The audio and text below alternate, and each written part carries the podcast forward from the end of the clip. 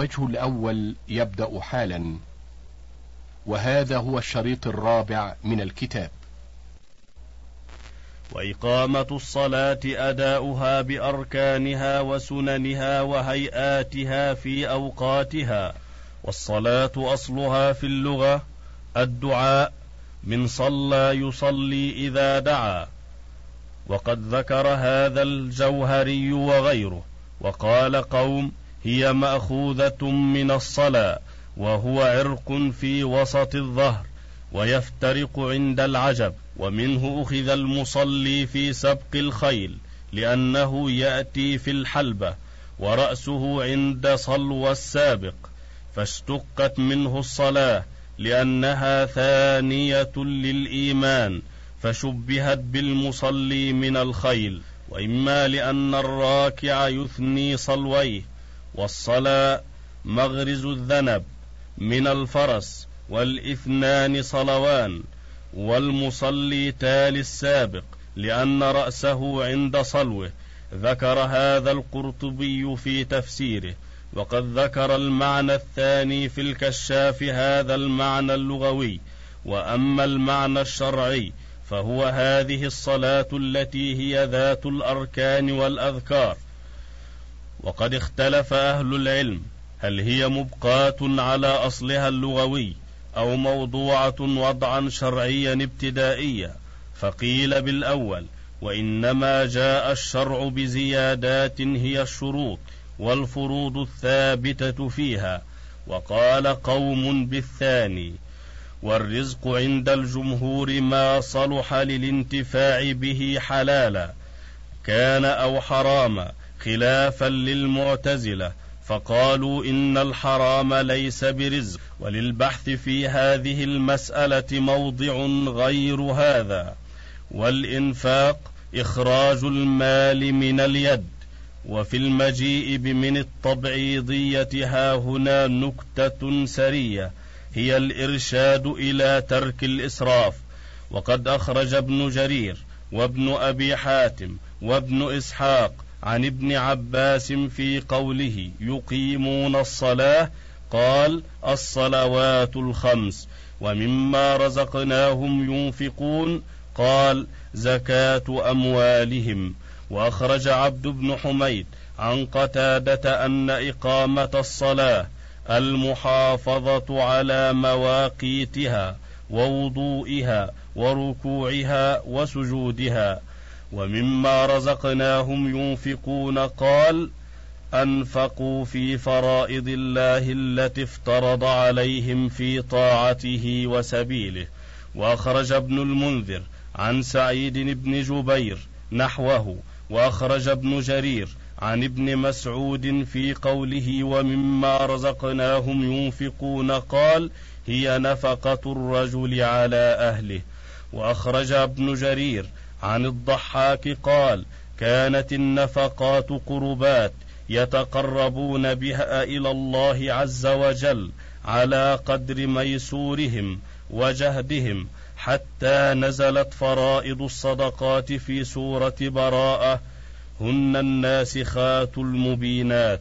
واختار ابن جرير أن الآية عامة في الزكاة والنفقات وهو الحق من غير فرق بين النفقة على الأقارب وغيرهم وصدقة الفرض والنفل وعدم التصريح بنوع من الأنواع التي يصدق عليها مسمى الإنفاق يشعر أتم إشعار بالتعميم والذين يؤمنون بما أنزل إليك وما أنزل من قبلك وبالآخرة هم يوقنون قيل هم مؤمنو أهل الكتاب فإنهم جمعوا بين الإيمان بما أنزل الله على محمد صلى الله عليه وآله وسلم وما أنزله على من قبله وفيهم نزلت وقد رجح هذا ابن جرير ونقله السدي في تفسيره عن ابن عباس وابن مسعود وأناس من الصحابة. واستشهد له ابن جرير بقوله تعالى وإن من أهل الكتاب لمن يؤمن بالله وما أنزل إليكم وما أنزل اليهم وبقوله تعالى الذين آتيناهم الكتاب من قبله هم به يؤمنون وإذا يتلى عليهم قالوا آمنا به إنه الحق من ربنا إنا كنا من قبله مسلمين أولئك يؤتون أجرهم مرتين الآية والآية الأولى نزلت في مؤمن العرب وقيل الآيتان جميعا في المؤمنين على العموم وعلى هذا فهذه الجملة معطوفة على الجملة الأولى صفة للمتقين بعد صفة ويجوز أن تكون مرفوعة على الاستئناف ويجوز أن تكون معطوفة على المتقين فيكون التقدير هدى للمتقين وللذين يؤمنون بما أنزل إليك. والمراد بما أنزل إلى النبي صلى الله عليه وآله وسلم هو القرآن وما أنزل من قبله هو الكتب السالفة. والإيقان إيقان العلم بانتفاء الشك والشبهة عنه. قاله في الكشاف والمراد أنهم يوقنون بالبعث والنشور وسائر أمور الآخرة من دون شك. والآخرة تأنيث الآخر الذي هو نقيض الأول وهي صفة الدار كما في قوله تعالى تلك الدار الآخرة نجعلها للذين لا يريدون علوا في الأرض ولا فسادا وفي تقديم الظرف مع بناء الفعل على الضمير المذكور إشعار بالحصر. وأن ما عدا هذا الأمر الذي هو أساس الإيمان ورأسه ليس بمستأهل للإيقان به والقطع بوقوعه وإنما عبر بالماضي مع أنه لم ينزل إذ ذاك إلا البعض. لا الكل تغليبا للموجود على ما لم يوجد أو تنبيها على تحقق الوقوع كأنه بمنزلة النازل قبل نزوله. وقد أخرج ابن إسحاق وابن جرير وابن أبي حاتم عن ابن عباس في قوله تعالى والذين يؤمنون بما أنزل إليك وما أنزل من قبلك اي يصدقونك بما جئت به من الله وما جاء به من قبلك من المرسلين. لا يفرقون بينهم ولا يجحدون ما جاءوهم به من ربهم وبالآخرة هم يوقنون إيمانا بالبعث والقيامة والجنة والنار والحساب والميزان. أي لا هؤلاء الذين يزعمون أنهم آمنوا بما كان قبلك ويكفرون بما جاء من ربك. وأخرج عبد بن حميد عن قتادة نحوه. والحق أن هذه الآية في المؤمنين كالتي قبلها وليس مجرد ذكر الإيمان بما أنزل إلى النبي صلى الله عليه وآله وسلم. وما أنزل إلى من قبله بمقتض لجعل ذلك وصفا لمؤمني أهل الكتاب ولم يأت ما يوجب المخالفة لهذا ولا في النظم القرآني ما يقتضي ذلك. وقد ثبت الثناء على من جمع بين الأمرين من المؤمنين في غير آية. فمن ذلك قوله تعالى يا أيها الذين آمنوا آمنوا بالله ورسوله والكتاب الذي نزل على رسوله والكتاب الذي أنزل من قبل وكقوله وقولوا آمنا بالذي أنزل إلينا وأنزل إليكم وقوله آمن الرسول بما أنزل إليه من ربه والمؤمنون كل آمن بالله وملائكته وكتبه ورسله. لا نفرق بين أحد من رسله. وقال والذين آمنوا بالله ورسله ولم يفرقوا بين أحد منهم. أولئك على هدى من ربهم وأولئك هم المفلحون. هذا كلام مستأنف استئنافا بيانيا كأنه قيل كيف حال أولئك الجامعين بين التقوى والإيمان بالغيب؟ والإتيان بالفرائض والإيمان بما أنزل على رسول الله صلى الله عليه وآله وسلم وعلى من قبله من الأنبياء عليهم الصلاة والسلام فقيل أولئك على هدى من ربهم ويمكن أن يكون هذا خبرا عن الذين يؤمنون بالغيب إلى آخره فيكون متصلا بما قبله. قال في الكشاف ومعنى الاستعلاء في قوله على هدى مثل مثل لتمكنهم من الهدى واستقرارهم عليه وتمسكهم به. شبهت حالهم بحال من اعتلى الشيء وركبه ونحوه. هو على الحق وعلى الباطل. وقد صرحوا بذلك في قوله جعل الغواية مركبا وامتطى الجهل واقتعد غارب الهوى.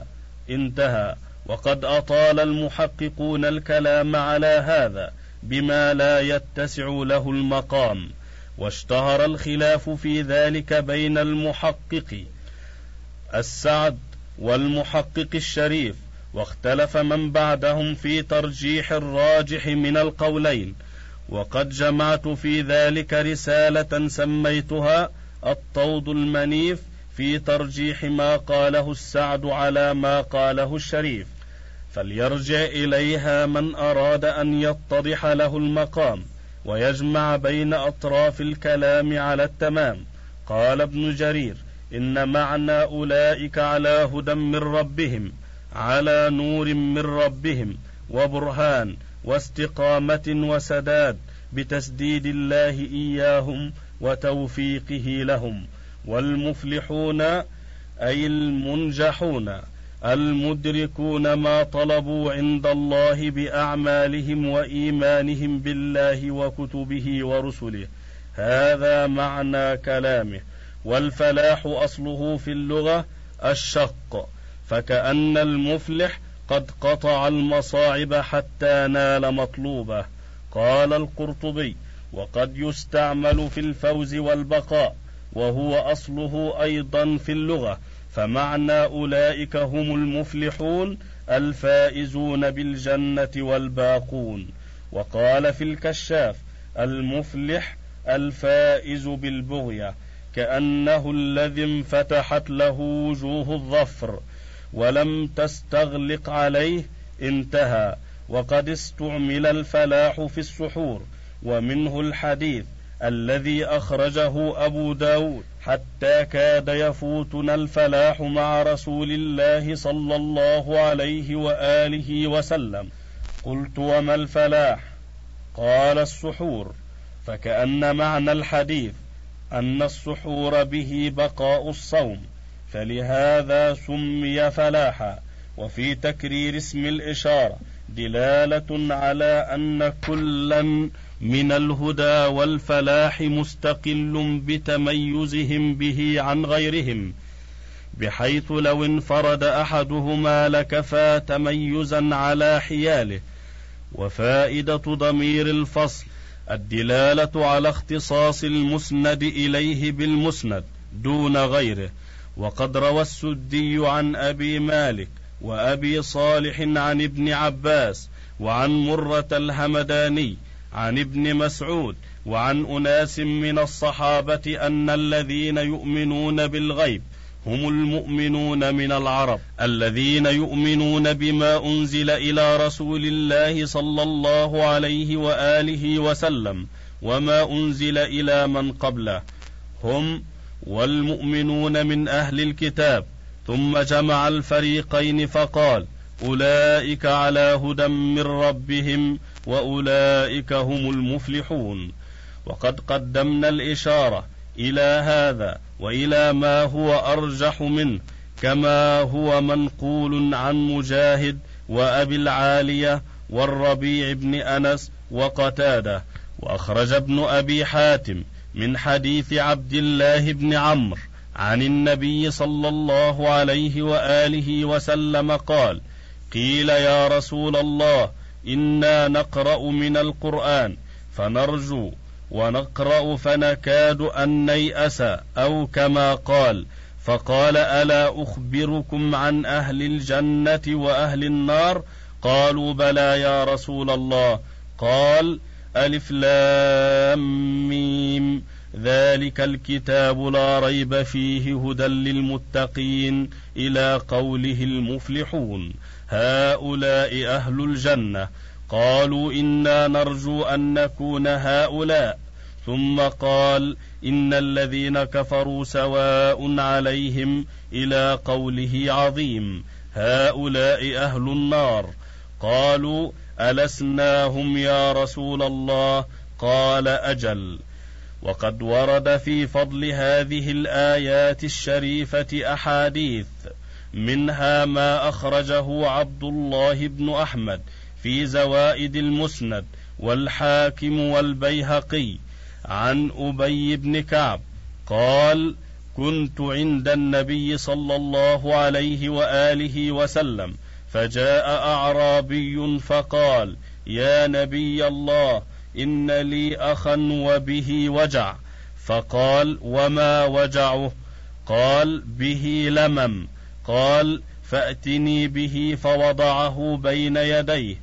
فعوذه النبي بفاتحة الكتاب وأربع آيات ومن أول سورة البقرة وهاتين الآيتين. وإلهكم إله واحد وآية الكرسي وثلاث آيات من آخر سورة البقرة وآية من آل عمران شهد الله أنه لا إله إلا هو وآية من الأعراف إن ربكم الله وآخر سورة المؤمنين فتعالى الله الملك الحق وآية من سورة الجن وأنه تعالى جد ربنا وعشر آيات من أول الصافات وثلاث آيات من آخر سورة الحشر وقل هو الله أحد والمعوذتين.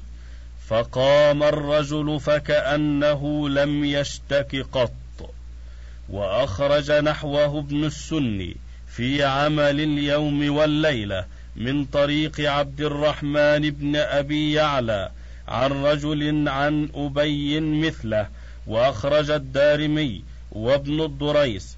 عن ابن مسعود قال من قرأ أربع آيات من أول سورة البقرة وآية الكرسي وآيتين بعد آية الكرسي وثلاثا من آخر سورة البقرة لم يقربه ولا أهله يومئذ شيطان ولا شيء يكرهه في أهله ولا ماله ولا تقرأ على مجنون إلا أفاق.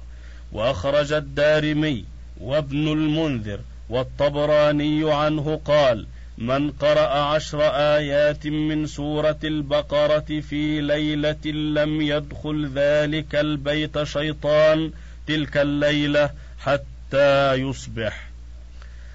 أربع من أولها وآية الكرسي وآيتان بعدها وثلاث خواتمها أولها لله ما في السماوات وأخرج سعيد بن منصور. والدارمي والبيهقي عن المغيرة ابن سبيع وكان من أصحاب عبد الله بن مسعود بنحوه. وأخرج الطبراني والبيهقي عن ابن عمر قال قال رسول الله صلى الله عليه وآله وسلم إذا مات أحدكم فلا تحبسوه وأسرعوا به إلى قبره. وليقرأ عند رأسه بفاتحة البقرة وعند رجليه بخاتمة سورة البقرة. وقد ورد في ذلك غير هذا. إن الذين كفروا سواء عليهم أأنذرتهم أم لم تنذرهم لا يؤمنون. ختم الله على قلوبهم وعلى سمعهم وعلى أبصارهم غشاوة ولهم عذاب عظيم. ذكر سبحانه فريق الشر بعد الفراغ من ذكر فريق الخير. قاطعا لهذا الكلام عن الكلام الأول معنونا له بما يفيد أن شأن جنس الكفرة عدم إجداء الإنذار لهم وأنه لا يترتب عليهم ما هو المطلوب منهم من الإيمان وأن وجود ذلك كعدمه.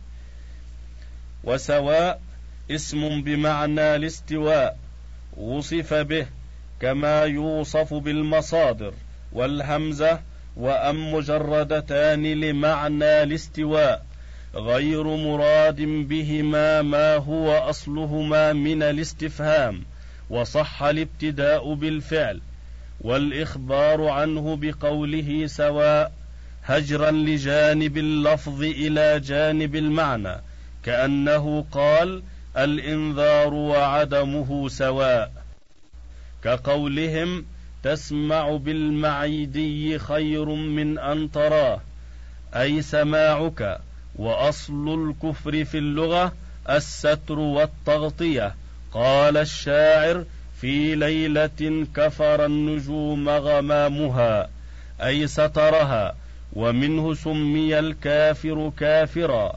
لأنه يغطي بكفره ما يجب أن يكون عليه من الإيمان والإنذار الإبلاغ والإعلام. قال القرطبي واختلف العلماء في تأويل هذه الآية فقيل هي عامة ومعناها الخصوص في من سبقت عليه كلمة العذاب. وسبق في علم الله أنه يموت على كفره. أراد الله تعالى أن يعلم الناس أن فيهم من هذا حاله دون أن يعين أحدا. وقال ابن عباس والكلبي نزلت في رؤساء اليهود حيي بن أخطب وكعب بن الأشرف ونظرائهما. وقال الربيع بن أنس نزلت في من قتل يوم بدر من قادة الأحزاب والأول أصح.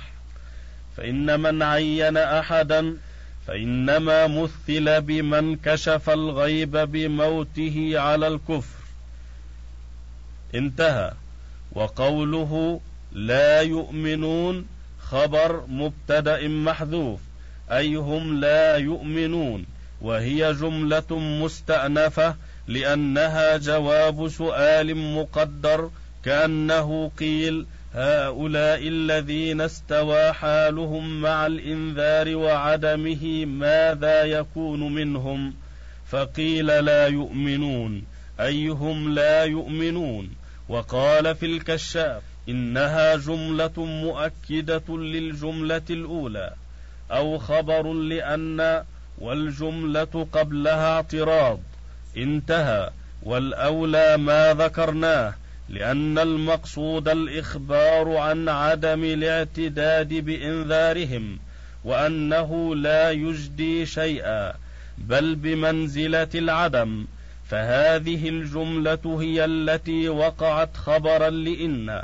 وما بعدها من عدم الإيمان متسبب عنها لا أنه المقصود. وقد قال بمثل قول الزمخشري القرطبي وقال ابن كيسان إن خبر إن سواء وما بعده يقوم مقام الصلة. وقال محمد بن يزيد المبرد سواء رفع بالابتداء وخبره أأنذرتهم أم لم تنذرهم والجملة خبر إن والختم مصدر ختمت الشيء ومعناه التغطية على الشيء والاستيثاق منه حتى لا يدخله شيء ومنه ختم الكتاب والباب وما يشبه ذلك حتى لا يوصل إلى ما فيه ولا يوضع فيه غيره والغشاوة الغطاء ومنه غاشية السرج والمراد بالختم والغشاوة هنا هما المعنويان لا الحسيان أي لما كانت قلوبهم غير واعية لما وصل إليها والأسماع غير مؤدية لما يطرقها من الآيات البينات إلى العقل على وجه مفهوم والأبصار غير مهدية للنظر في مخلوقاته وعجائب مصنوعاته جعلت بمنزلة الأشياء المختوم عليها ختما حسيا والمستوثق منها استيثاقا حقيقيا والمغطاة بغطاء مدرك استعارة أو تمثيلا وإسناد الختم إلى الله قد احتج به أهل السنة على المعتزلة وحاولوا دفع هذه الحجة بمثل ما ذكره صاحب الكشاف والكلام على مثل هذا متقرر في مواطنه. وقد اختلف في قوله تعالى وعلى سمعهم هل هو داخل في حكم الختم فيكون معطوفا على القلوب أو في حكم التغشية فقيل إن الوقف على قوله وعلى سمعهم تام وما بعده كلام مستقل فيكون الطبع على القلوب والأسماع والغشاوة على الأبصار كما قاله جماعة. وقد قرئ غشاوة بالنصب قال ابن جرير يحتمل أنه نصبها بإضمار فعل تقديره وجعل على أبصارهم غشاوة. ويحتمل أن يكون نصبها على الإتباع على محل وعلى سمعهم كقوله تعالى وحور عين وقول الشاعر علفتها تبنا وماء باردا وإنما وحد السمع مع جمع القلوب والأبصار لأنه مصدر يقع على القليل والكثير. والعذاب ما يؤلم وهو مأخوذ من الحبس والمنع. يقال في اللغة أعذبه عن كذا حبسه ومنعه. ومنه عذوبة الماء لأنها حبست في الإناء حتى صفت. وقد أخرج ابن جرير وابن أبي حاتم والطبراني في الكبير وابن مردوي والبيهقي عن ابن عباس في قوله سواء عليهم أأنذرتهم؟ قال كان رسول الله صلى الله عليه وآله وسلم يحرص أن يؤمن جميع الناس ويتابعوه على الهدى فأخبره الله أنه لا يؤمن إلا من سبق له من الله السعادة في الذكر الأول ولا يضل إلا من سبق له من الله الشقاوة في الذكر الأول. وأخرج ابن إسحاق وابن جرير وابن أبي حاتم عن ابن عباس أيضا في تفسير الآية أنهم قد كفروا بما عندهم من ذكرك وجحدوا ما أخذ عليهم من الميثاق فكيف يسمعون منك إنذارا وتحذيرا؟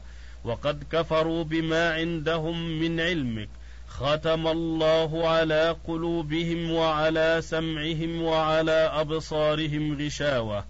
وأخرج ابن جرير وابن المنذر وابن أبي حاتم عن أبي العالية في قوله إن الذين كفروا قال نزلت هاتان الآيتان في قادة الأحزاب وهم الذين ذكرهم الله في هذه الآية. ألم تر إلى الذين بدلوا نعمة الله كفرا؟ قال فهم الذين قتلوا يوم بدر ولم يدخل القادة في الإسلام إلا رجلان أبو سفيان والحكم بن العاص وأخرج ابن المنذر عن السدي في قوله أأنذرتهم أم لم تنذرهم؟ قال أوعظتهم أم لم تعظهم؟ وأخرج عبد بن حميد عن قتادة في هذه الآية قال أطاعوا الشيطان فاستحوذ عليهم. فختم الله على قلوبهم وعلى سمعهم وعلى أبصارهم غشاوة فهم لا يبصرون هدى ولا يسمعون ولا يفقهون ولا يعقلون. وأخرج ابن جرير وابن أبي حاتم عن ابن عباس قال الختم على قلوبهم وعلى سمعهم والغشاوة على أبصارهم. وأخرج ابن جرير عن ابن مسعود قال ختم الله على قلوبهم وعلى سمعهم فلا يعقلون ولا يسمعون. انتهى الوجه الأول.